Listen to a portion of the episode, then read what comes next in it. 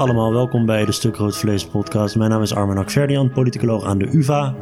Volg ons op Facebook of Twitter, @stukroodvlees of uh, neem een kijkje op www.stukroodvlees.nl. Mijn gast van vandaag is Katrien de Vries, hoogleraar politiek gedrag in Europa aan de Vrije Universiteit. Ik uh, ga met haar praten over de aankomende Europese verkiezingen aan het begin van ons gesprek uh, vertelt Catherine heel kort iets over haar nieuwe boek in wording. Dat gaat over politieke entrepreneurs, getiteld uh, The Rise of Challenger Parties. Daarna hebben we het over uh, dat gekke Hans Brusselmans spotje van de SP en over het algemeen over euroskepsis op links. Katrien heeft heel veel onderzoek gedaan naar publieke opinie over Europese integratie. Dus uh, ze vertelt wat ze in haar onderzoek heeft gevonden over wat burgers eigenlijk willen uh, van de EU. En um, tenslotte praten we ook nog over dat uh, merkwaardige verschijnsel van die spitsenkandidaten. Die Europese lijsttrekkers die ook nog eens een keer kandidaat-voorzitters van de commissie zijn. U kunt Katrien volgen op Twitter, Katrien de Vries. Um, ja, veel plezier met Katrien. Hoi Katrien, welkom bij de podcast. Hoi Arma. Bedankt dat je ondanks je jetlag kon aanschuiven. Geen probleem. Je bent uh, net uh, teruggekomen van de VS voor een congresbezoek. Ja. Vanmorgen. Ja, inderdaad. Uh, ik zag op Twitter dat je daar een vroege versie van je boek hebt, hebt gepresenteerd, je nieuwe boek. kun je daar iets meer over vertellen? Ja, dat is een boek dat ik samen met Sarah Hobolt, mijn, zeg maar, nou ja, wat hoe noem je dat, wetenschappelijke partner uh, heb geschreven uh, van de, de LSE in, uh, in Londen. Mijn nou, promotor, toevallig. Precies, klopt ook. Klopt ook. Allemaal een kleine wereld. Hele kleine wereld. Ja. Ehm, dat gaat eigenlijk over ja, wat je in Nederland een soort tegenpartij van Cote en de Bie-achtig zou noemen. Maar in het Engels noemen we de Challenger Parties. Dat zijn eigenlijk partijen die zich tegen het, het, de gevestigde orde uiten. En die proberen eigenlijk die gevestigde orde uh, om zeep te helpen, zou je eigenlijk kunnen zeggen. Dus dat zijn partijen als, denk aan uh, D66 toen ze begonnen in de jaren 60. Die uh, probeerden een bom onder de Nederlandse democratie te leggen. Maar ook het begin van GroenLinks of van de PSP in Nederland. Maar ook nu natuurlijk Forum voor Democratie of de PVV. Ja, maar dat zijn, eigenlijk, dat zijn dus eigenlijk partijen... Het, het, is een hele bonte club die je het noemt. Um, wat ze gemeen hebben is eigenlijk dat ze niet regeren? Dat is, of, of hebben ze nog meer? Wat zijn de, wat zijn de nou, kenmerken van die partijen? Precies. Nou, eigenlijk hoe we ze definiëren. Je bent een, een tegenpartij of een challengerpartij als je inderdaad niet geregeerd hebt. Dus D66 is het niet, niet meer, was het toen. Uh, en eigenlijk wat ze gemeen hebben is dat ze proberen om uh, de dominante positie van uh, de gevestigde orde. Dus dat zijn midden, traditionele middenpartijen. Denk aan het CDA of de Partij van de Arbeid of de VVD. proberen te doorbreken. En dat ze eigenlijk zoals een Elon Musk probeert Ford hmm. te te beconcurreren met zijn elektrische auto's. Uh, proberen dat uh, deze politieke ondernemers uh, ook te doen. En we gebruiken eigenlijk in het boek ook de analogie van, van ja, disruptive entrepreneurs. Dus van ondernemers die proberen ehm, te vernieuwen. Ja. En wat eigenlijk deze partijen gemeen hebben, dat ze nog niet geregeerd hebben, maar dat ze ook echt proberen vernieuwing, politieke vernieuwing door, door te voeren. En dat doen ze eigenlijk door middel van, van innovatietechnieken. En het, en het boek beschrijft waarom sommige van deze tegenpartijen eigenlijk wel heel succesvol zijn in die innovatietechnieken en andere niet. En um, wat, wat, hebben we dan, wat voor soort innovaties hebben we het over? Ideologisch of, of uh, campagne voeren? Of wat? Ja, nou ja, we hebben, precies? waar wij specifiek naar kijken zijn... Nou, dat is wat eigenlijk die partijen proberen te doen. Ze proberen die dominante positie van de gevestigde orde aan te tasten. En dat doen ze dus door middel van een, uh, van een politieke innovatiestrategie. En wij zeggen eigenlijk dat, uh, dat, uh, dat een tweeledige strategie is. Aan de ene kant proberen ze zo, ja, zogenoemde wedge issues... ik weet niet zo goed wat het Nederlandse woord ervoor is... maar splijtingsissues die in ieder geval een partij splijten... die proberen ze op de agenda te brengen. Dus dan kan je denken aan de LPF die dat probeerde met immigratie te doen... Hè, wat natuurlijk heel lastig was voor de Partij van de Arbeid of de VVD om daarop te reageren. Je kan ook denken aan, uh, aan Europese integratie als een thema. Uh, en dat zijn eigenlijk van die splijtingszwammen die het heel moeilijk maken voor gevestigde orde om daarop te reageren. Maar dat is niet het enige wat deze partijen doen. De tweede vorm van innovatie is eigenlijk niet zozeer ideologisch, maar ergens retorisch. En wat ze proberen te doen is eigenlijk om ervoor te zorgen dat die gevestigde orde niet kan reageren op hun innovatie. Dus dat ze eigenlijk niet uh, net zo anti-Europees of anti-immigratie zou kunnen zijn dat zij zijn. En dat doen ze door middel van een, uh, van, uh, ja, een anti-establishment retoriek. Ze proberen dus eigenlijk die andere partijen weg te zetten als een soort ja, uh, die proberen het eigenlijk alleen maar te imiteren. Imitators, copycats, die, die niet de echte, de real deal, niet de echte innovators zijn. En dat zie je eigenlijk dat al die partijen dat gemeen hebben. En dat is eigenlijk niet zozeer iets wat alleen maar populistisch rechts. We kennen dat eigenlijk van populistisch rechts. Maar wij laten eigenlijk zien dat dat niet alleen maar populistisch rechts was. Dat was eigenlijk ook een soort retoriek die Hans van Milo gebruikte toen hij probeerde democratische vernieuwing op, op, op de agenda te zetten in de jaren 60 in Nederland. En wat zorgt er dan voor dat sommigen er wel in slagen en anderen niet? Nou, is eigenlijk dat, ze, dat je dus eerst een, een, een wedge issue moet nemen. Dus heel veel van deze tegenpartijen kiezen issues die eigenlijk heel makkelijk op de links-rechts. Uh, uh, uh, dat is eigenlijk de dominante dimensie. In sommige landen ook, ook natuurlijk religie als een tweede, of sociale waarde als een tweede dimensie. Maar die kiezen eigenlijk issues waar gevestigde orde heel makkelijk op kan reageren. Want ze hebben daar een profiel op. Dus ten eerste moet die partij wel echt, een, echt zo'n wedge issue kiezen, echt zo'n splijtingsissue kiezen. En dat, en dat, is, dat is niet altijd makkelijk. en ten tweede moet die anti-establishment retoriek, nou, daar, daar, daar, daar, uh, daar gaan we dus in. Dat, dat, dat, dat is niet alleen maar zeggen van nou, uh, uh, weet je, die, die, die andere partij is niet leuk. Dat, dat doen oppositiepartijen ook tegenover regeringspartijen. Maar je moet eigenlijk heel goed proberen om een mix te hebben waardoor je zegt, het, die gevestigde orde, dat is eigenlijk een soort ja, twilly twilly-dam, zoals je het in het Engels zegt. Nou, het is eigenlijk allemaal hetzelfde. Als je, als je op de een stemt, krijg je de ander. Uh, uh, nou, wat, wat, laten we even... Een voorbeeld... kartel? Ja, dat wou ik net zeggen. Iemand die dat, die dat natuurlijk uit, uitermate, uitermate clever doet. Je kan vinden wat je wil, maar is, uh, is, is Thierry Baudet. Die het heeft over een kartel, een baantjescarousel... waar dus die partijen, de vergestigde orde... eigenlijk niet responsief is en niet, niet, niet de bevolking vertegenwoordigt. En dat is, dat is één van de strategieën die wij uiteenzetten... die eigenlijk heel succesvol kan zijn. Maar dan heb je alsnog, ik bedoel, wat, wat eh, Baudet bijvoorbeeld doet, het is al um, volgens mij heel lang weten we al dat dat een, dat het een winnende formule is. Nee, maar um, Baudet doet meer, denk ik. Dan... Maar ja, dat je bijvoorbeeld, ik bedoel dat je, dat je de gevestigde orde als één pot nat wegzet. Vervolgens een issue vindt dat, uh, waarop je. Uh, uh, waarop je ook nog kunt profileren. Maar er moet toch iets meer zijn waarom sommige partijen bekender worden of, of groter worden dan anderen. Want je zou het ook kunnen proberen te kopiëren. Ik bedoel, het is niet. Ik bedoel, 20, 25 jaar geleden wisten we misschien nog niet dat dit allemaal zo populair was. Maar uh, van Baudet wordt uh, wel eens gezegd dat het, dat het eigenlijk oude wijn in nieuwe zakken is. Dat, dat wat hij doet, dat eigenlijk al 15, 20 jaar redelijk populair is in Nederland. Alleen het is nu een nieuw gezicht op een oud, oud verhaal. Maar nou, dat, daar ben ik niet helemaal mee eens. Want ik denk dat, dat je dus echt ziet in wat kwalitatieve... Dus het is zowel dus kwantitatief als kwalitatief. Wat we proberen ook echt naar, naar case in depth zeg maar heel induidelijk te kijken. En als je in de Nederlandse situatie dus kijkt eigenlijk naar, naar de soort echte, echte uh, doorbraak was Fortuin, hè, met het issue van immigratie in, in, uh, in 2001, 2002. Uh, en eigenlijk moest Wilders daar uiteindelijk weer wat bovenop doen. Wilders die, uh, die, uh, die, die, die, uh, die ging nog harder op de, op de anti-islam zitten. Die ging hard op, op, op Europa inzetten. Eigenlijk nog harder dan destijds, destijds Fortuyn. Ook harder nog op zijn anti-establishment retoriek. Dat laten we ook echt zien. Doet dat nog meer dan Fortuyn. En eigenlijk zie je bij Thierry Baudet, die gaat er nog weer een schepje bovenop. Dus hij heeft niet alleen maar een immigratiestandpunt en een anti-immigratiestandpunt, een anti-EU-standpunt, maar hij heeft ook een klimaatveranderingsstandpunt. Nou, dat is wel dat hij eigenlijk zegt van nou, dat is allemaal over. Dat is, hij betwijfelt eigenlijk of dat uh, überhaupt van, door de mensen gemaakt wordt. En hij vindt in ieder geval dat we daar geen, geen, uh, geen geld aan moeten uitgeven. Dus hij zorgt ervoor dat hij, dat hij meerdere van die issues bij elkaar trekt als een soort politieke vernieuwing. Dus je moet steeds als het ware een stapje verder gaan als een, als een onderneming. Hetzelfde als dat zeg maar een concurrent van Apple of een concurrent van, van, van, uh, van laten we zeggen, Instagram of zo, dat ook weer moet doen. Dus als Snapchat moet je weer meer doen dan, dan WhatsApp. En dat zie je eigenlijk hetzelfde gebeuren in, uh, in, in de politiek. Dus ik denk om te zeggen dat, dat, dat, dat het gewoon weer oude wijn in nieuwe zakken is, dat, dat ben ik niet helemaal mee eens. want hij heeft, hij heeft ook, uh, dus dat klimaatstandpunt, dat is uh, nieuw aan Baudet. Maar je zou ook kunnen zeggen dat dat, dat simpelweg, um, hij heeft, hij heeft dat, dat is opportunisme in die zin dat, dat klimaat was gewoon onder Fortuin nog geen issue. Ja. En nu is klimaat een issue geworden en ja. Baudet is degene die het mobiliseert. Uh, Baudet is wel softer geworden op, uh, op het EU-standpunt bijvoorbeeld. Ja. Uh, in plaats van steeds verder te gaan en ja. jezelf te profileren. Ja. Um, over um, challenger parties gesproken.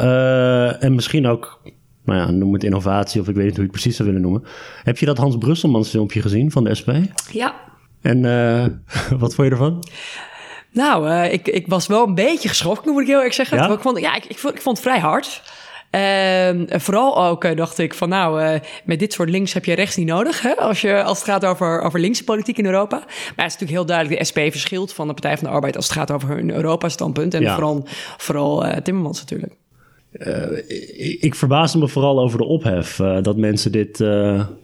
dat mensen geschrokken waren dat dit bij de SP vandaan kwam. Want de SP, dit, dit, is gewoon de SP zoals ik de SP ken sinds ik politiek ben gaan volgen, weet ik veel, op de middelbare school in de jaren negentig. Het logo van de SP is ook um, een fileermes. Oh nee, wacht, het is een tomaat. ik bedoel, het is gewoon een partij van de, van de, van de botte, uh, weet je wel, van de, ook van de volkse sentimenten. Dat ze anti-Europees zijn, dat is eigenlijk van oudsher zo. Ja. Um, dat binnen het linkse electoraat Europa, SP en GroenLinks uh, sorry, uh, dat, dat Europa dus SP aan de ene kant zet en GroenLinks en de Partij van de Arbeid aan de andere, dat, dat is ook al van oudsher duidelijk. Uh, misschien is het omdat mensen dachten van, oh, we hebben, we hebben eindelijk eens een keer drie linkse partijen die met elkaar samenwerken. Maar dan heb je net bij Europese verkiezingen heb je natuurlijk dat het, dat het, uh, dat het die, die partijen verdeelt. Dus ergens dacht ik van, ja, het, het, ziet, het is een soort van audio, audiovisueel zit het, er, zit het er nieuw uit. En ze gebruiken Timmermans, dus is ook, ook, ook negative campaigning en zo. Um, maar aan de andere kant, dit is echt gewoon vintage SP. Ik bedoel, ik heb... Nou, ik, ik, ik denk dat je wel mee eens bent, maar het past bij mij dus wel heel erg in die zeg maar tegenpartij-analogie die ik eerst had. Het is, het is heel duidelijk een strategische keuze ja. om het niet over je linkse profiel te hebben, maar het eigenlijk alleen maar over het anti-Europees. Want je, je leert niks over wat de SP nou echt precies wil. Uh, in dat nee. misschien alleen een klein stukje over hè, de, de, de burgers of de boerenpummels die willen pensioenen. Maar voor de rest eigenlijk, en ook vind ik het dan heel interessant van ja, pensioenen, daar gaat Europa nou helemaal niet over. Uh, maar ik vond wat ik, wat ik echt het, het, het, het, ik vond het toch wel een, dat vooral dat opslokken en met de taart aan het eind. Dat was toch wel een vrij nationaal, een, een nationalistisch filmpje. En dat vond ik toch wel, daar heeft de SP wel echt voor gekozen om dat nou in de voorgrond te spreken. En dat is natuurlijk electoraal. Dat, dat, dat ligt lekkerder bij de Nederlandse uh, bevolking. Uh, als, je, als je kijkt naar, uh, naar, naar, naar surveys. Maar daar vind ik ze dan wel, wel heel strategisch en weinig ideologisch in. Nou ja, wat wel, wat wel boeiend was, is dat uh, de hond die had uh, in zijn panel gevonden dat. Um, dat, dus die had gevraagd of mensen positief, neutraal of negatief uh, evalueerden. Of, of, dat dat filmpje positief, negatief of neutraal evalueerde. En um, de, de steun onder de PVV en Forum-kiezers in de hondspanel waren. die waren positiever erover ja. dan de SP-kiezers zelf. Ja. Uh, dus in die zin ben ik het wel, uh, ben ik het wel met je eens. Nee, maar goed, uh, dat, wat, ik, wat ik wel. Wat ik, het, het feit dat de SP anti-Europees is. En de andere twee linkse partijen niet. Heel veel mensen die denken: oh, waarom is de SP dan ook niet pro-Europeeser? Maar euroskepsis ter linkerzijde gaat veel verder terug dan euroskepsis ja. ter rechterzijde. Dus GroenLinks bijvoorbeeld uh, heeft de afgelopen 20, 25 jaar een veel sterkere ontwikkeling naar pro-Europa ja. doorgemaakt. De SP is vrij consequent eurosceptisch op basis van economische argumenten uh, van oudsher. Hetzelfde als eigenlijk de partijen die samen GroenLinks zijn gaan vormen, die in de Tweede Kamer tegen ieder groot Europees verdrag hebben gestemd. GroenLinks zelf ook nog tegen het verdrag van Maastricht, ook nog tegen het verdrag van, uh, wat kwam daar nou ook alweer? Amsterdam.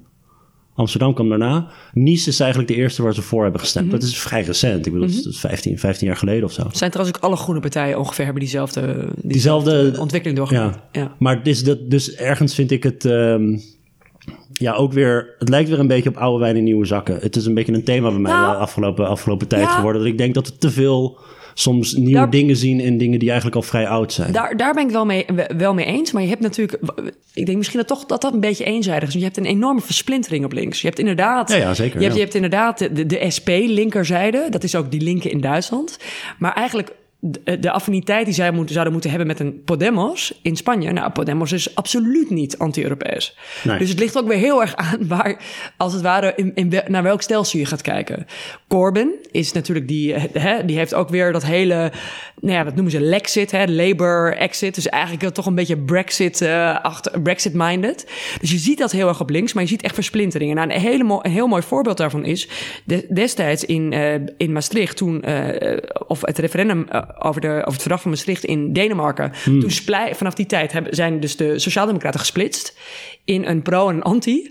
En zowel heb je dat gezien bij, de, bij, de, de, de grond, bij het grondwetsreferendum in, in, Frankrijk, waar de Parti Socialiste, dus de, de, ook de, de Sociaaldemocraten, of misschien iets linkser dan Sociaaldemocraten, die, die splitsten naar een pro- en een anti-fractie. Dus je ziet, dat heeft inderdaad een geschiedenis, maar je ziet toch ook wel een aantal extreem linkse partijen uh, die, die, die, pro, die pro-Europese zijn geworden. En dat is eigenlijk om die oude Thatcher-manier van uh, socialism through the back door. Van de enige manier waarop we bedrijven zouden kunnen, de macht van bedrijven en, en het macht van het bedrijfsleven zouden kunnen, zouden kunnen breken, is door middel van samenwerking op Europees niveau. En dat is nou natuurlijk een, bepaald een punt wat, wat eigenlijk de SP dan heel vaak, of in ieder geval in dit filmpje, niet kiest. Terwijl ze dat wel eens gezegd hebben, maar je hoort bij hun vrij weinig daarover. Want het is natuurlijk de vraag van ja, wil je in Nederland uh, wat aan, uh, aan belastingen voor bedrijven gaan doen? Ja, dan gaan ze met z'n allen naar, uh, naar Luxemburg verhuizen. En dan, en dan weet je, dan, dan, dan, dan uiteindelijk heb je nog steeds je belastingen niet kunnen heffen. Dus er zit bij de SP natuurlijk ook een soort, soort, soort, soort soort uh, spanning in, uh, in, in, het, in het vooral het linkse en ja. dan het nationalistisch. Uh, Had jij niet daar onderzoek over gedaan met, met wat collega's over dat, dat die ambivalente houdingen tegen ja. de EU en dat het op, ja. op, op links dat, dat mensen veel ambivalenter waren? Ja. dan op rechts? Ja, om, vooral om deze reden. Dus je had vroeger zeg maar die oude van herarbeiders verenigd u, de internationale in de, in de, in de sociaaldemocratie. En dat is echt wel veranderd. Je ziet uh, natuurlijk, en dat is misschien ook, ook terecht, dat, dat een partij als de SP zegt, ja, arbeidsmigratie, dat leidt eigenlijk tot een soort race to the bottom uh, met lonen. En, uh, en dat is uiteindelijk slecht voor de Nederlandse arbeider. En wij moeten onze, onze, onze, onze standaards voor, voor werk en voor sociale zekerheid beschermen. En dat heb je ook heel erg gezien bij de, de, de Scandinavische sociaaldemocraten en linkse partijen. Die eigenlijk uit, op grond van die sociale zekerheid en, en angst hebben dat, uh, of bang zijn dat, uh, dat, dat Europa dat, dat, uh, dat doorbreekt. Maar er is heel veel ambivalentie op links. En dat zie je ook dat er heel veel versplintering is op links. Als, vooral als het over Europa gaat. En, en, en, en dan denk ik toch dat dit, dat toch best wel een harde spot was. Zeg maar voor de SP. Een heel duidelijk van een anti-Europese spot. En niet van nou, we zouden uiteindelijk met Europa nog iets kunnen doen. dat, dat kwam eigenlijk, dat beeld kwam niet naar voren. Je had het net even over Corbyn. Ik weet niet of je het uh, nieuws een beetje volgt, maar uh, Brexit is uitgesteld. Tot uh, 31, 31 oktober. Mijn verjaardag. jouw verjaardag? Ja, mijn verjaardag. Maar, de, de vorige Brexit-datum was de datum van je oratie. Ja, precies. Ja, ik, ik schijn iets allemaal... met Brexit te hebben, ja. Godsamme. Ik ben, ik ben, ben uit Engeland gevlucht, maar, maar Brexit... Uh, Brexit blijft je achtervolgen. Blijft me achtervolgen. Nou, sinds uh, Ajax-Tottenham kan de Brexit me niet hard genoeg, uh, hard genoeg zijn. Um, Nee, het is dus uitgesteld. En um, ik zat afgelopen weekend ook weer een beetje naar die peilingen te kijken van uh, ja? die, die uit Engeland uh, ja. op mijn Twitterfeed uh, belanden. Um, ik heb het met Rob Ford hier vrij vaak gehad over Brexit. Terugluisteren trouwens, mochten jullie niet hebben gevolgd. Rob Ford is een collega van ons uit Manchester een oude studievriend van mij. Die kwam uh, tijdens de pressure cooker dagen van, van Brexit kwam die iedere week een update geven. Uh, en hij um, en, en ik zei toen de hele tijd tegen hem van ja, het, het was eigenlijk al duidelijk dat, dat het één grote cluster F was. Mm -hmm. Wat Labour en de conservatieven aan, aan het doen mm -hmm. waren. Maar je zag maar geen beweging in mm -hmm. de populariteit van die partijen. Het bleef maar constant. En hij zei de hele tijd, ja maar wacht maar tot het voorbij is. Dan gaat het helemaal instorten. En dat is nu dus, lijkt, lijkt te gebeuren. Hier een aantal, aantal peilingen. Mm -hmm. uh, dit is van uh, YouGov. Uh, de West, dus dit is voor Westminster, dus dit is een -hmm. nationale peiling. Mm -hmm. Conservatieve 24, Labour 24, Brexit Party 18, Lib Dem 16, Groene 7, nou, en, dan, en dan wat kleinere partijen. Labour en de conservatieven, als het gaat om nationale verkiezingen, dus niet eens de helft van de stemmen. Ja. En als je kijkt naar de Europese verkiezingen, dus daar wordt apart gepeld voor Europese verkiezingen en voor Westminster. Mm. Voor de Europese verkiezingen zien we de Brexit Party op uh, 34%, Labour op 16%, Lib Dems op 15%, de Groenen op 11%, de Conservatieven op 10%. Ja, vijfde, vijfde partij. Ja. Um, vijfde Nou, laten we Hè, laten we de, de fout... Ja, laten we, laat, laten we toch net doen alsof we de foutmarges uh, meenemen. Uh, nee, maar het, het, het is compleet in elkaar gestort, die, die twee grote partijen.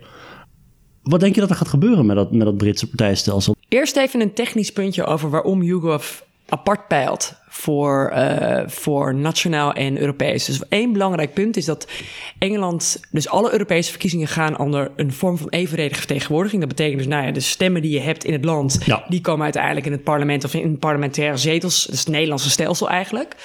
Uh, en dat is niet het normale kiesstelsel in Engeland. Dus het normale kiesstelsel in Engeland zijn kiesdistricten. Dus dat betekent dat je heel geografisch geconcentreerde steun moet hebben, waardoor je de meerderheid in zo'n district kan hebben, of de grootste in een district kan worden. Dat noemen we dat het een veel disproportioneler, dus veel lastiger om daar als kleine partij door te breken. Want je moet, ja. hè, want in 2015 had eigenlijk uh, uh, UKIP toen nog, hè, dat was Farage's vorige. Uh, uh, product of partij, tegenpartij. Uh, um, die had ook enorm, was de, was de derde partij. Maar uiteindelijk kregen ze geen zetels, omdat ze geen geografisch geconcentreerde steun hadden. Dus in dat opzicht zijn die twee peilingen toch wel iets anders. En, en, en is het nog maar de vraag of uiteindelijk in die nationale peilingen en bij nationale verkiezingen wel zo'n grote steun. Hè, je, je zou nog steeds kunnen krijgen dat ja, iedereen. Dat, dat het gewoon 1, 2, 3 wordt. Labour, Conservatives, Lib Dems. Maar bij, die, bij, die, bij die Europese verkiezingen, nou daar zie je dus echt wel, uh, mensen noemen ook de Brexit-partij de partij van de woede.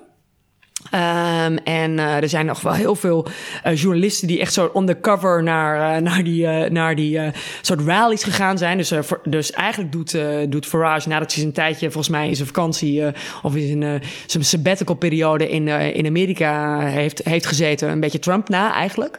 Grote rallies in, in, in stadions. En er wordt ook al ge, geroepen, lock her up, lock her up. Nou, dat gaat dus over mee en met haar deal. en hij is echt er mee bezig om die, om die woede te kanaliseren op het partijsysteem.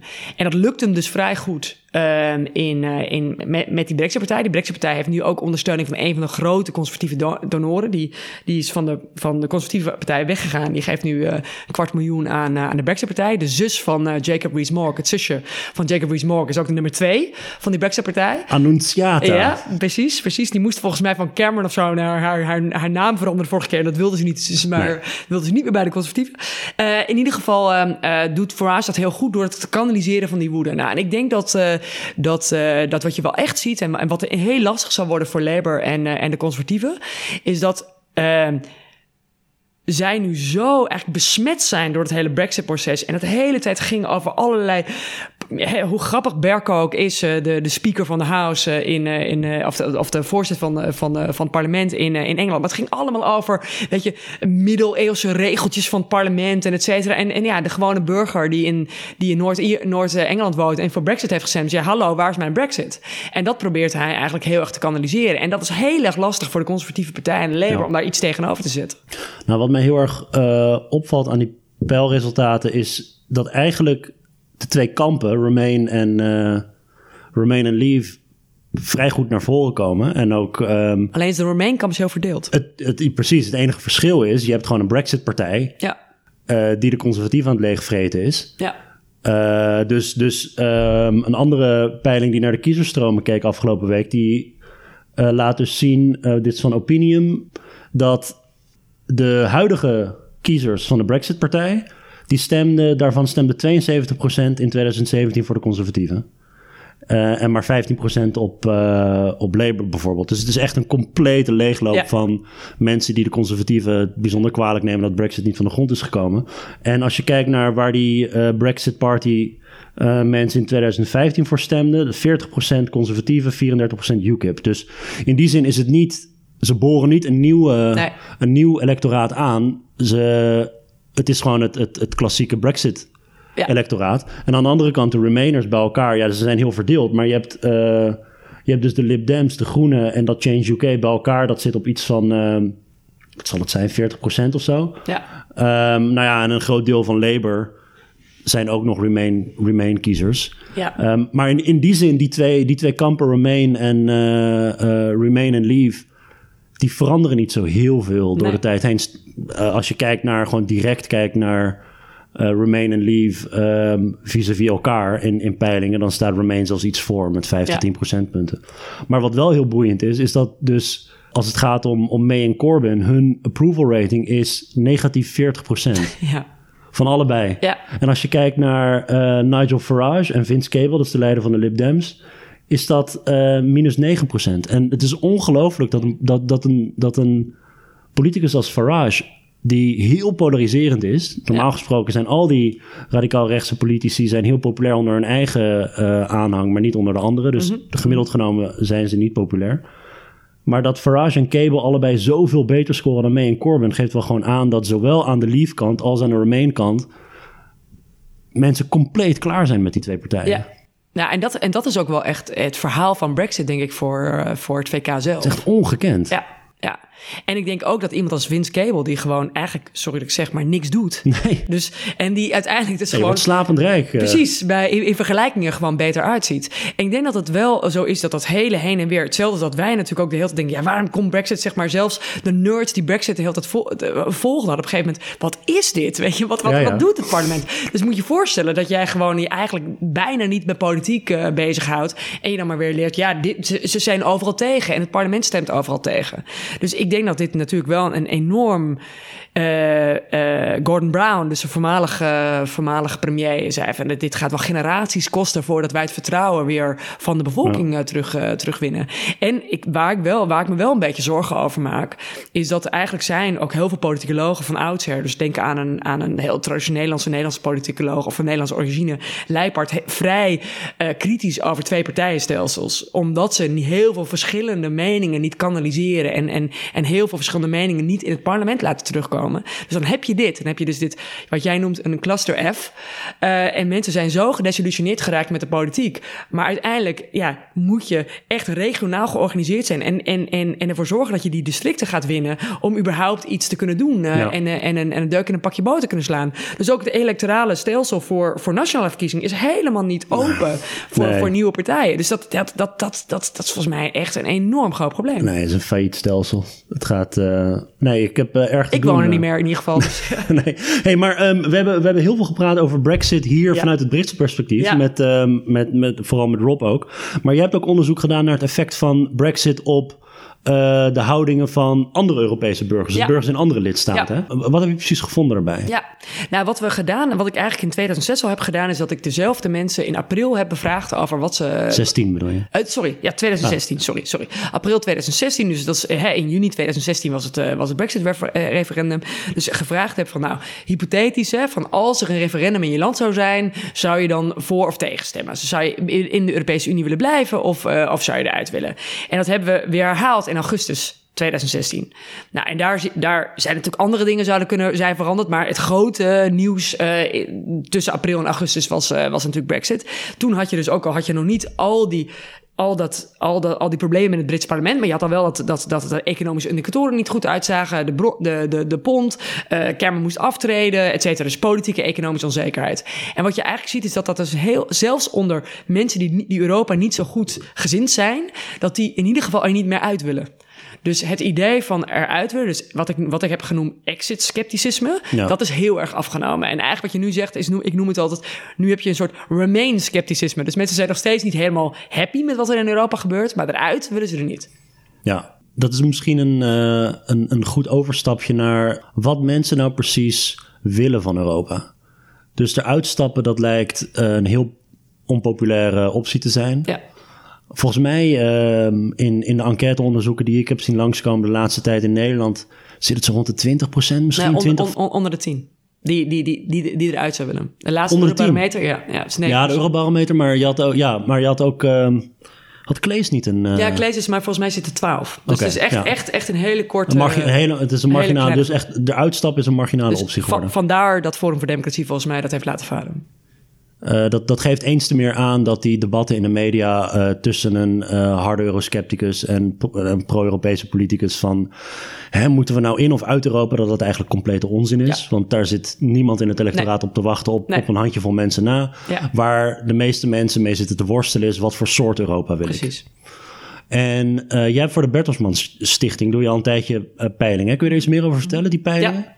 Ja, dus wij hebben eigenlijk, eh, want het Eurobarometer, er zijn natuurlijk peilingen die de Eurobarometer doet. Ja. Eh, maar de Eurobarometer is toch ook wel een beetje, is eigenlijk nooit als een, als een academisch opiniepeilingsinstrument eh, ontwikkeld. Maar eigenlijk voor de, voor de Europese Commissie zelf om te kijken naar wat zijn beleidsvoorkeuren van burgers. Ja. Dus het heeft wel eens toe geleid dat er hele saillante, moeilijke items. Dus vragen die, waar men uiteindelijk uh, resultaten kreeg die niet zo, niet zo mooi waren voor de Europese Unie, dan op een gegeven moment daar niet meer in zaten.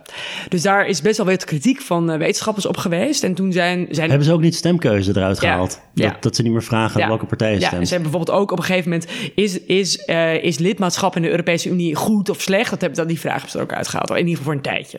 Dat was in de eurozonecrisis. Ja, dat was in de crisis. en nu, nu het er weer een beetje beter gaat, mag, mogen we er weer Ja, dus, dus, dus in dat opzicht is het een beetje een oh, politiek, of in ieder geval een soort politiek instrument. En dat is natuurlijk ook niet verwonderlijk, want het wordt door de commissie zo betaald. Nou, en wij zijn eigenlijk met, uh, met, met, met een Duitse stichting of een samenwerking met een Duitse stichting, uh, hebben wij, doen wij twee dingen. We, we peilen uh, gewoon de EU 28 nog als één, als zeg maar de Verenigde Staten van Europa. Dus we peilen gewoon als een publieke opinie van die, dus gewichten Luxemburg iets minder, Duitsland iets meer. Hè, in termen van gewoon populatieaantallen. En dan doen we ook nog representatieve steekproeven in. Uh, oh, nee, doen we steekproeven in, uh, in, in, in, zes, in, in de zes grote landen. Dus dat is Duitsland, ehm, Duitsland Frankrijk, Spanje, Italië, Verenigd Koninkrijk en Polen. En de manier waarop wij eigenlijk peilen is niet op de traditionele face-to-face manier, maar we doen het via apps. Dus eigenlijk kan je zeggen, normaal gesproken hadden we de telefoonboek. En daar kies je dan willekeurig uit. Wij hebben gewoon de cloud. En daar kies je dan willekeurig mensen uit. En, de, de en, en, dan vraag je dus in die enquêtes naar allerlei onderwerpen die te maken hebben met Europese integratie. Eerst, eerst maar eens even, hoeveel weten mensen van de Europese Unie? Hoe zit het met kennis over Europese aangelegenheden? Nou, nou, in vergelijking met nationale kennis, dus we hebben gewoon, zijn van die vragen als waar staat de Europese Centrale Bank? Uh, uh, hoe worden Europese parlementariërs gekiezen, gekozen? Uh, wie is, de, wie is de, de voorzitter van, van de commissie? Eigenlijk doet Europa het tegenwoordig ja, je kan ergens niet goed of slecht. Net zo slecht of net zo goed als, uh, als, als nationale stelsels. En dat is wel echt veranderd met de dingen die we weten uit zeg maar, het eind jaren negentig. Toen we dat bij, uh, bij, bij Europees verkiezingsonderzoek hebben gedaan. Dus mensen weten op dit moment wel meer over Europa dan dat ze wisten. Is nog steeds niet extreem veel, maar ze weten meer. Maar dit zijn echt dit zijn feitjes. Ja. Maar als het gaat om bijvoorbeeld functionele kennis. Ja. Wat doet de Europese Unie ja. Voor welke beleidsterreinen is de Europese Unie verantwoordelijk? Een beetje de kennis die je ook nodig hebt om bijvoorbeeld tijdens verkiezingen ja. mensen ter verantwoording te roepen. Nou, ik denk dat wat het meest belangrijke is, is echt van waar gaat Europa eigenlijk over? Nou, dat is bijvoorbeeld klimaat, dat is bijvoorbeeld de euro, dat is bijvoorbeeld migra toch migratiequota's. Nou, dat weten burgers eigenlijk al heel goed. En dat Europa niet over gezondheidszorg gaat en niet over pensioenen. Dus als het daarom gaat, in ieder geval een grosso modo, weet de burger dat wel. Oké.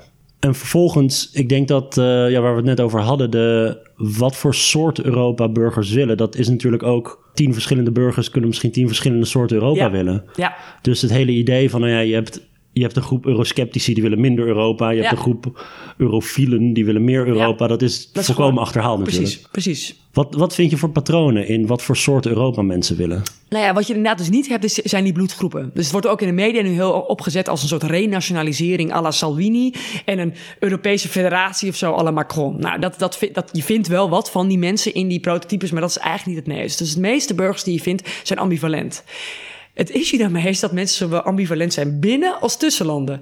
Dus als je kijkt, uh, en dat heeft er heel veel mee te maken met welke, welke beleidsterreinen ze heel belangrijk vinden. Dus als je in Zuid-Europa gaat, uh, gaat kijken, dan zijn vooral dingen die te maken hebben met economische groei. Gedeeltelijk ook met, uh, met, met migratie, maar migratie van buiten de Europese Unie staat er heel erg centraal. In Nederland of in Duitsland bijvoorbeeld gaat het heel erg over intra-EU-migratie. Dus over een Pool of een, of, of een Spanjaard die in, die in Nederland komt werken. Gaat het heel erg over de euro en strikte regels over de euro. Zo'n soort Wopke Hoekstra-achtig eh, sentiment.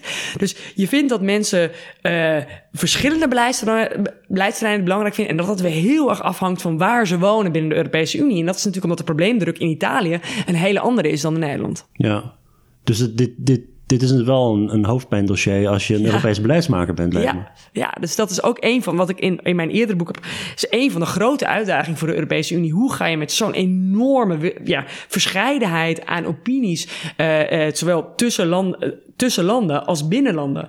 En, uh, en, en, en een van de dingen die, ik, die, ik wel heel die we heel duidelijk merken, en ook in mijn eigen onderzoek, die ook gedeeltelijk op, die, op, uh, op, uh, op die data is en wat andere data die, die, die ik erbij pak, de European Social Survey bijvoorbeeld, is dat je wat, je wat je wat je eigenlijk vindt, is dat mensen niet zitten te wachten op een soort uh, van, van iedereen kleine Europeaantjes willen maken, à la Macron of zo, en een soort loyaliteit. Maar eigenlijk van wat is nou de toegevoegde waarde van Europa? Wat kan Europa nou, nou, nou leveren? En mensen zijn echt wel bereid om erover na te denken van nou, op klimaat, dat snappen ze echt wel, uh, dat klimaat grensoverstijgend is. Heb je natuurlijk wel verschil tussen een Forum voor Democratie ik doe even voor de gemak, hè, een Forum voor Democratie stemmer versus een GroenLinks stemmer.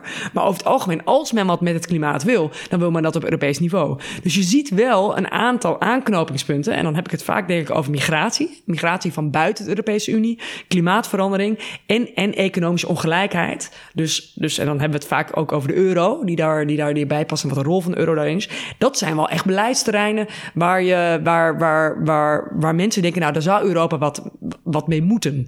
Het, het, het laatste punt, wat je ook heel duidelijk vindt, is terrorisme. Dus bescherming voor terrorisme en de manier waarop uh, landen daar zich voor, zou moeten voorbereiden, wil men eigenlijk ook op Europees niveau zien. En daar zit het iets waar ik dus een beetje bang voor ben. Is dat eigenlijk door die eurozonecrisis en ook doordat het Europees Parlement altijd zegt, nou, we zijn wel belangrijk en zo, zijn de verwachtingen over wat Europa zou moeten doen eigenlijk heel erg toegenomen.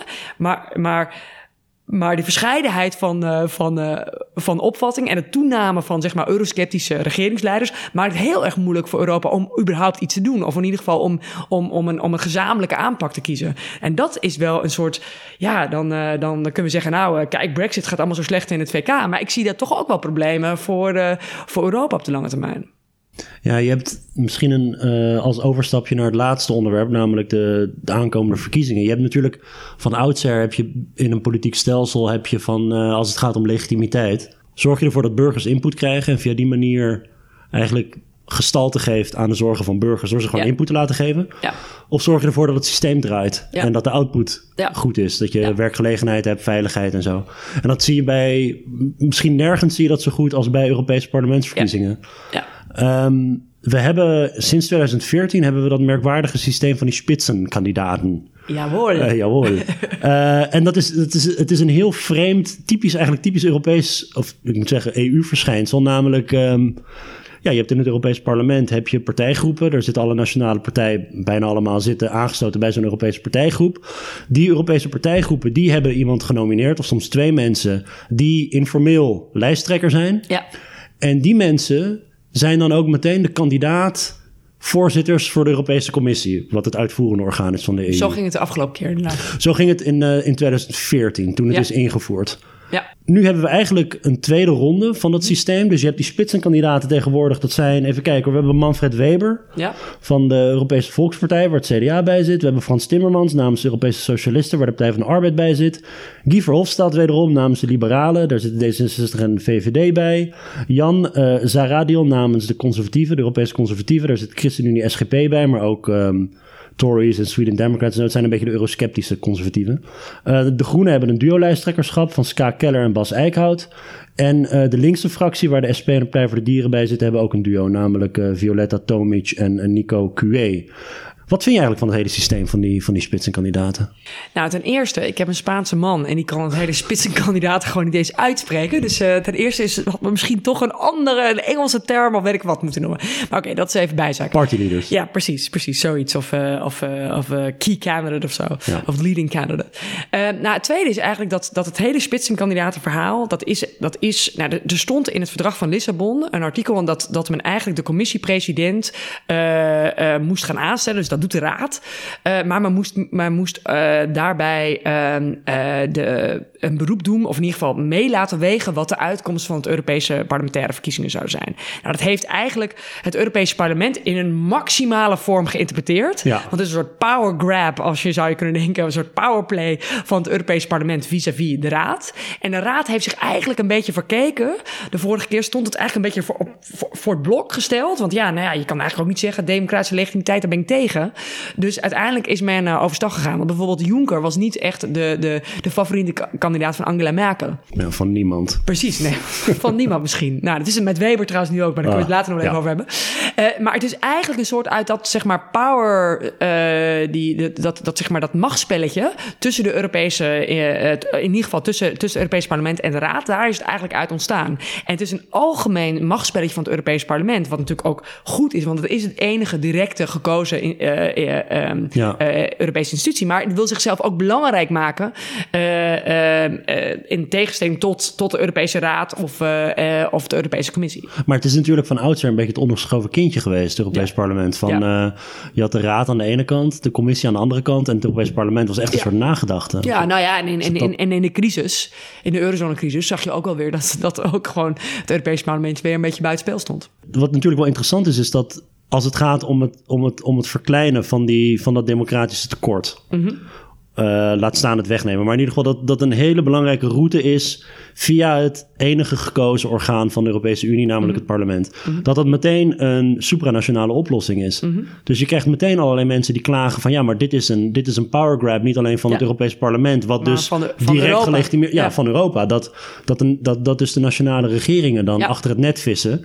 Terwijl aan de, andere, aan de ene kant heb je wel het is wel een power grab van een democratisch orgaan. Ja. Maar het is supranationaal. Dus het gaat wel in tegen de, misschien de directe belangen van de lidstaten. Ja, nou, er, er, zijn twee visies. Hè. Dus er is natuurlijk ook een visie, een, eh, een, een vrij eh, ja, een realistische visie die zegt eigenlijk... er is helemaal geen democratisch tekort op, op Europees niveau. Want het meest belangrijke orgaan is de Europese Raad. En de Europese Raad is, zijn natuurlijk gewoon regeringen die nationaal worden gekozen. Ja. Dus dat is eigenlijk niet zozeer een probleem. En dan zit er natuurlijk... de wetgeving wordt, wordt, wordt, uh, wordt goedgekeurd door de Raad en het parlement... Wat is eigenlijk het probleem hier. Ja. Maar het Europees Parlement, ja, die, uh, die zal met dat soort, uh, dat soort visies. Uh, ja, dat, dat, ze gaat zichzelf niet, niet kleiner voordoen dan het is. En probeert natuurlijk zichzelf ook verder te ontwikkelen. Dit is wel echt ook een machtsspelletje in, in, in Brussel. Maar het lijkt een beetje alsof het Europese Parlement een soort patent, een soort monopolie heeft op democratie. En zo, zo, zo laat het zichzelf eigenlijk ook vaak zien. Maar als je eigenlijk gaat kijken over wat jij net zei, het, het, het, het, het, het verkleinen van het gat tussen, laten we zeggen, Amsterdam en Brussel of tussen Zwolle, kom ik van, Zwolle en Brussel. Uh, nou, dat, die, die, die, die spitsenkandidaten, die lijken dat toch niet echt uh, teweeg hebben gebracht. Want A, kent niemand die spitsenkandidaten? Zijn het ook mensen die, die, die misschien nationaal, hè, de Nederlanders kent dan misschien Frans Timmermans, uh, maar gemiddelde Spanjaard, gemiddelde uh, Italiaan is iets van Frans wie. en, en in dat zich ja, leidt het toch niet echt op een, op een, op een, op een soort eigenlijke leadership contest die je zou willen hebben. Nee, ik heb, ik heb wat cijfers van 2014 erbij gepakt. Um, artikel van Sarah Hobold. Dus als het gaat om die spitsenkandidaat in 2014, toen was het echt van, toen was het motto ook zoiets van this time it's different of zoiets, toch? Van, yeah. van het Europees Parlement. Yeah. Um, om, om aan de raad al van tevoren, weet je, uh, om de druk te zetten van jullie moeten wel deze spitsenkandidaten. Je moet ze serieus nemen. Precies. Ja. Uh, dus dan kijk je, dan, zij rapporteert uh, resultaten uit een enquête, dat je dus kijkt naar de, of mensen die mensen überhaupt kennen, die spitsenkandidaten. Gemiddeld genomen kende het hoogste uh, percentage zien we in Luxemburg. Ongeveer de helft van de Luxemburgers kende, wist e- minstens één van de kandidaten te noemen. Wat natuurlijk Ik bedoel, een, dit is echt een voormalige minister-president Precies, maar je, we leggen de lat ook heel, heel laag, als het gaat ja. om kennis. Hè? Ik bedoel, minstens één van die mensen noemen. Ja. Uh, Luxemburg 50 dan zien we uh, Duitsland en België, die zijn 2 en 3 met ongeveer 25 procent. Martin Schulz en Guy Verhofstadt. Ja, ook andere twee kandidaten. Nederland 5 procent. Oh. 5 procent van de Nederlanders wist ik zag nu in de recente peilingen dat het iets hoger ligt met Frans Timmermans. Ja, met Timmermans natuurlijk. Dus het is, wat, wat Sarah in dat artikel zegt, is van ja, um, mensen uit de natiestaat van een spitsenkandidaat, die kennen over het algemeen wel een van die spitsenkandidaten. Ja. Weet je wat het eh, land is dat het laagste scoort? Engeland waarschijnlijk? Ja, het Verenigd Koninkrijk. 1,1 procent. Ja, precies. nou, en toen heeft uiteindelijk nog Cameron zo'n heel issue gemaakt van Juncker uiteindelijk. Dus uh, ja. Nee, maar goed, dat is even om aan te geven dat ja. um, het, het creëren van zo'n... Nou, dit, is ook weer, dit is ook een heel oud debat, maar zo'n Europese politieke ruimte of een publieke ruimte waarin je spitsenkandidaten hebt die zeg maar campagne voeren in lidstaten en debatten die dan worden uitgezonden en zo dat dat wel echt een. Uh, ja, dat, dat is nog wel. Het staat echt in de kinderschoenen. Als het ja. überhaupt ooit van de grond komt. Ja, en het is natuurlijk ook heel moeilijk zonder wat, we, wat we noemt transnationale lijsten. Dus je hebt nog steeds. Dit zijn 28 nationale verkiezingen. Ja. Het zijn Europese verkiezingen die niet eens op dezelfde dag plaatsvinden. Hè, op vier verschillende dagen. De meeste wel op, op zondag. Dus 26 mei. Maar in Nederland natuurlijk wordt wel op een andere dag. Ja. Uh, ook in Engeland op een andere dag. Uh, of, het, of het Verenigd Koninkrijk op een andere dag gestemd. Dus het zijn niet. En het wordt allemaal in eigen talen gedaan. En wat ook heel erg belangrijk is, ja, je, ziet, je zag het eigenlijk in, uh, in Spanje gaat het veel meer over, over hè, net een, een nationale uh, verkiezing achter, achter de rug. Ook regionale verkiezingen tegelijkertijd. Eigenlijk wil Sanchez, dus daar de, de, de, de leider van de Sociaal-Democratische Partij, die het goed gedaan heeft,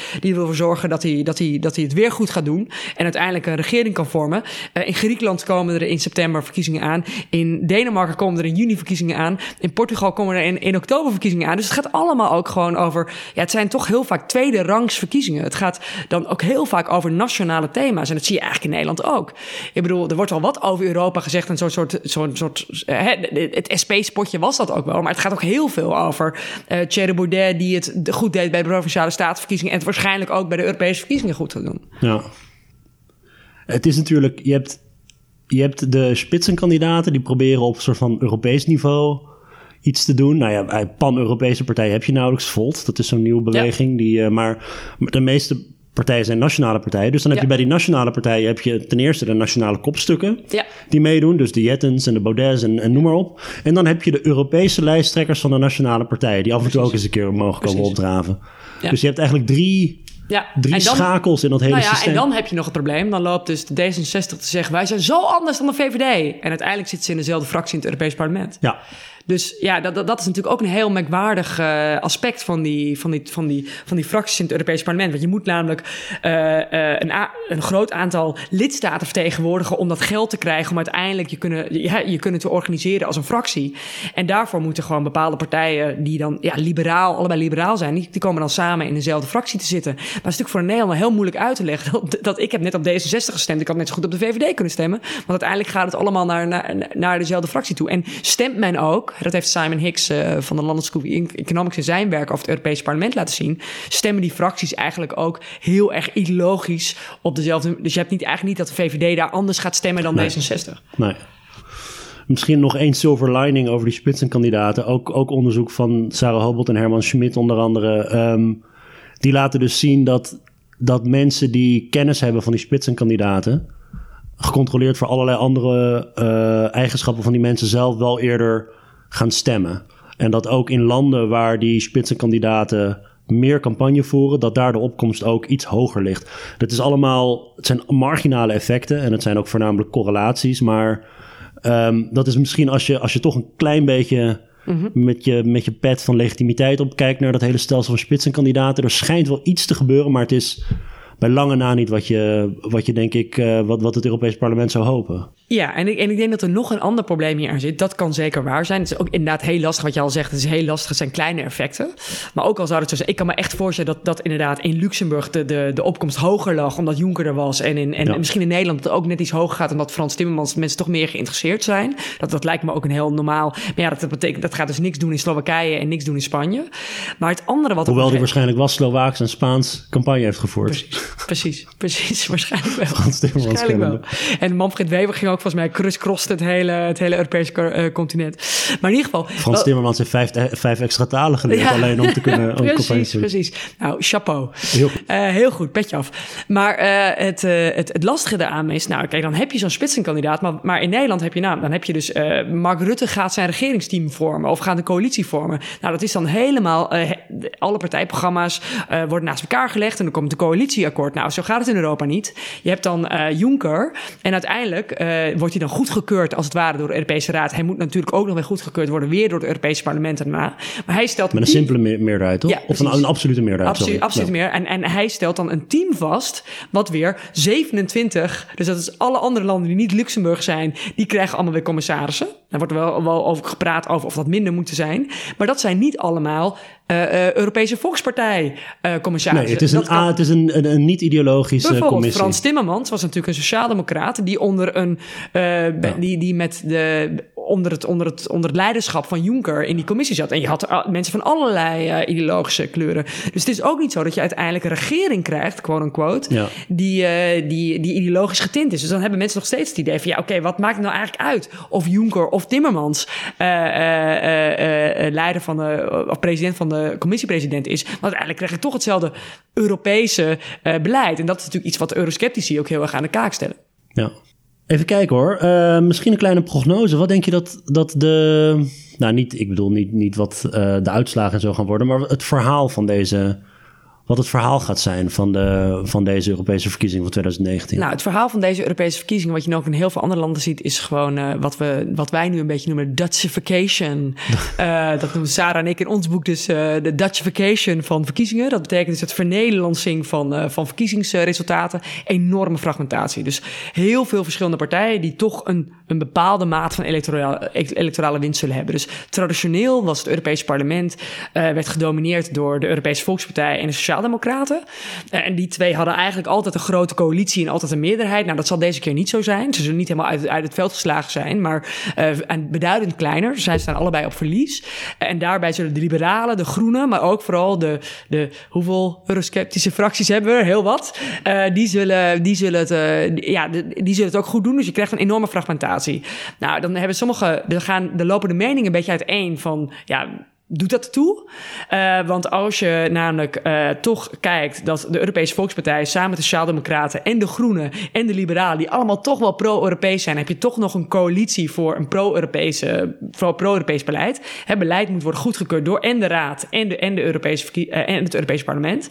Als je een eurosceptische partij zou, fractie zou hebben, en dat, daar ligt nou vaak de crux, want die werken niet vaak samen. Er zitten weer eentje zit daar en de ander zit in een andere groep. Als je wel een grote Europese, eurosceptische fractie zou hebben, ja, dan zou je ook uiteindelijk uh, dat in beleid weer, uh, weer kunnen meezien. Dan zouden ze tegen kunnen stemmen. Maar over het algemeen uh, denk, lijken de peilingen zo uit te zien dat uiteindelijk die, die, vier, die vier groepen waar ik het net over had, dus de Groenen, de Liberalen, de, de Europese Volkspartij en, uh, en, en de Sociaaldemocraten, dat die toch samen een, een, een ja, als het ware, een, ze vormen niet echt een coalitie, maar, maar een, een, verbond kunnen sluiten, waardoor ze toch het meeste pro-Europese beleid er doorheen zouden kunnen krijgen. Dus dan is het wel weer een vraag van ja, wat verandert er dan uiteindelijk wel. En ik denk dat dat ook wel iets is wat meespeelt bij mensen. Van ja, dan stem ik voor zo'n eurosceptische partij. En dat komt eigenlijk niet door die pro-Europese partij hoor. Dat maar dat die Europese sceptische partijen, ja, die, die, die, die vaak, vaak doen ze dan niks. En ik, las ook laatst dat uh, Luc Middelaar in een, uh, in een stuk eigenlijk een beetje uiteenzetten van ja, dan gaat uh, Epping naar, hè, dus de, de lijsttrekker van de Forum voor Democratie, gaat hij naar Brussel. Dan zegt ik ga alles veranderen. Nou, dan gaat hij weer natuurlijk niet samenwerken met een andere eurosceptische partij. Gaat hij niks, niks gelijk krijgen. En dan wordt het uiteindelijk weer gezegd, nou, in Brussel kan je helemaal niks doen. Ja, dat, dat, dat komt natuurlijk ook gedeeltelijk omdat die eurosceptische partijen niet samenwerken. En dat, en maar dat... ook al zouden ze samenwerken, op een gegeven moment, het is toch, uh, heb je alsnog, uh, stel dat ze een derde winnen, dat zou heel erg, uh, heel, heel veel zijn. Maar dan, dan, dan nog heb je twee derde van de mensen die niet op die partij nou, hebben gestemd. Ja, Waarom ja. zouden ze. Nou, je hebt natuurlijk wel wat, wat, wat, wat vraagstukken waar, waar zelfs zo, zulke partijen met, met de Europese Volkspartij, als het over migratie gaat bijvoorbeeld, waar ze met de Europese Volkspartij wel, wel om, de, om de tafel zouden kunnen zitten. En zelfs uh, leden van, uh, van die liberale groep, denk aan Mark Rutte en de VVD, zijn toch ook wel wat sceptischer over een aantal migratievraagstukken. Dus je zou wel kunnen nadenken dat ze dan met wisselende wisselende groepen toch uiteindelijk nog wel iets gedaan krijgen. En het ligt er wel aan of zij gaan samenwerken. Als ze niet gaan samenwerken, wordt de coördinatie van het stemmen in het Europees Parlement heel moeilijk. En, uh, het ligt en... er ook een beetje aan of die fractiediscipline binnen die ja, partijgroepen. Ja, want, want zeker. Zeker. Die, uh, ja, die was niet altijd zo goed. Die, nee, want uh, ik bedoel, iemand als Orbán die, die bij die volkspartij zit, de Europese Volkspartij. Ja ja, die zou prima aansluiting kunnen vinden bij, bij tal van andere nou, sceptischere partijen. Dat is nu ook wel een beetje de. Dat, ja, er wordt ook een beetje zo nu een beetje gefluisterd in Brussel. Dat hij misschien toch naar die Salvini-groep uh, zou gaan. Kijk, de vraag is een beetje. Al, al die eurosceptische partijen hebben hun eigen fractie. Of hebben een beetje hun eigen fractietjes, zo ergens niet. Maar, maar hè, zijn, zijn, zijn verdeeld. Zal het uiteindelijk Salvini lukken? Want het is wel zo dat je meer voordeel krijgt om een grotere fractie te hebben. Dan krijg je gewoon meer ondersteuning, meer, meer, meer, meer uh, office space. Dus zo simpel als dat. Uh, en, en, uh, en, en uiteindelijk, of toch een aantal van die, van die partijen ervoor zullen kiezen om samen met Salvini in een groep te gaan zitten. Kijk, dan heeft het ook weer heel erg te maken. En daar speelt ook weer in dat, dat dit ook een beetje halve nationale verkiezingen zijn. Ja, wil de Forum voor Democratie samen met Le Pen in één groep zitten? Of samen met Orbán in één groep zitten? Dat zou hun uiteindelijk nationaal uh, misschien op verlies kunnen komen te staan. Dat dan he, uh, een CDA van VVD zegt: kijk, de voor Democratie werkt met een dictator samen, of maar zo. Dus in dat opzicht zijn er ook wel weer elect nationale electorale overwegingen die het soms deze eurosceptische partij van weerhouden om samen te werken. Want buiten het anti-Europees zijn, nou, zijn heel veel van deze partijen het niet met elkaar eens. Als het gaat over, over hun positie naast van Rusland bijvoorbeeld, hè, waar, waar, waar duidelijk Kaczynski en Orbán op, een, op een andere lijn staan. Dus de Poolse, de Poolse uh, eurosceptici op een andere lijn zitten dan Orbán en Salvini. Uh, um, als het gaat om, om sociale zekerheid, waar sommige partijen, zoals, uh, zoals Le Pen en haar, en haar tegenwoordig de Rassemblée Nationale, mm -hmm. het voormalige Front National, heeft daar weer andere posities in dan, dan de Poolse Eurosceptici. Dus eigenlijk wat hun bindt is een soort anti-Europa sentiment. Maar de vraag is of het dan op beleid uiteindelijk, waar dus het Europese parlement heel vaak om gaat, of migratierichtlijnen zullen met, zo, en, en immigratierichtlijnen, daar zullen men, zal men elkaar wel op kunnen vinden. Maar in andere vraagstukken ja, gaan, zijn toch een hele andere soort partijen die misschien niet met elkaar eens zullen zijn. Ja. Heel erg bedankt, Katrien. Graag gedaan. Voor dit gesprek. Graag gedaan. En, uh, het was leuk. Ja, het was leuk. Uh, even kijken hoor. Uh, je bent te volgen op Twitter via... Catharine D. Vries. Catharine D. Vries. Ja. En u bedankt voor het luisteren. Tot de volgende keer.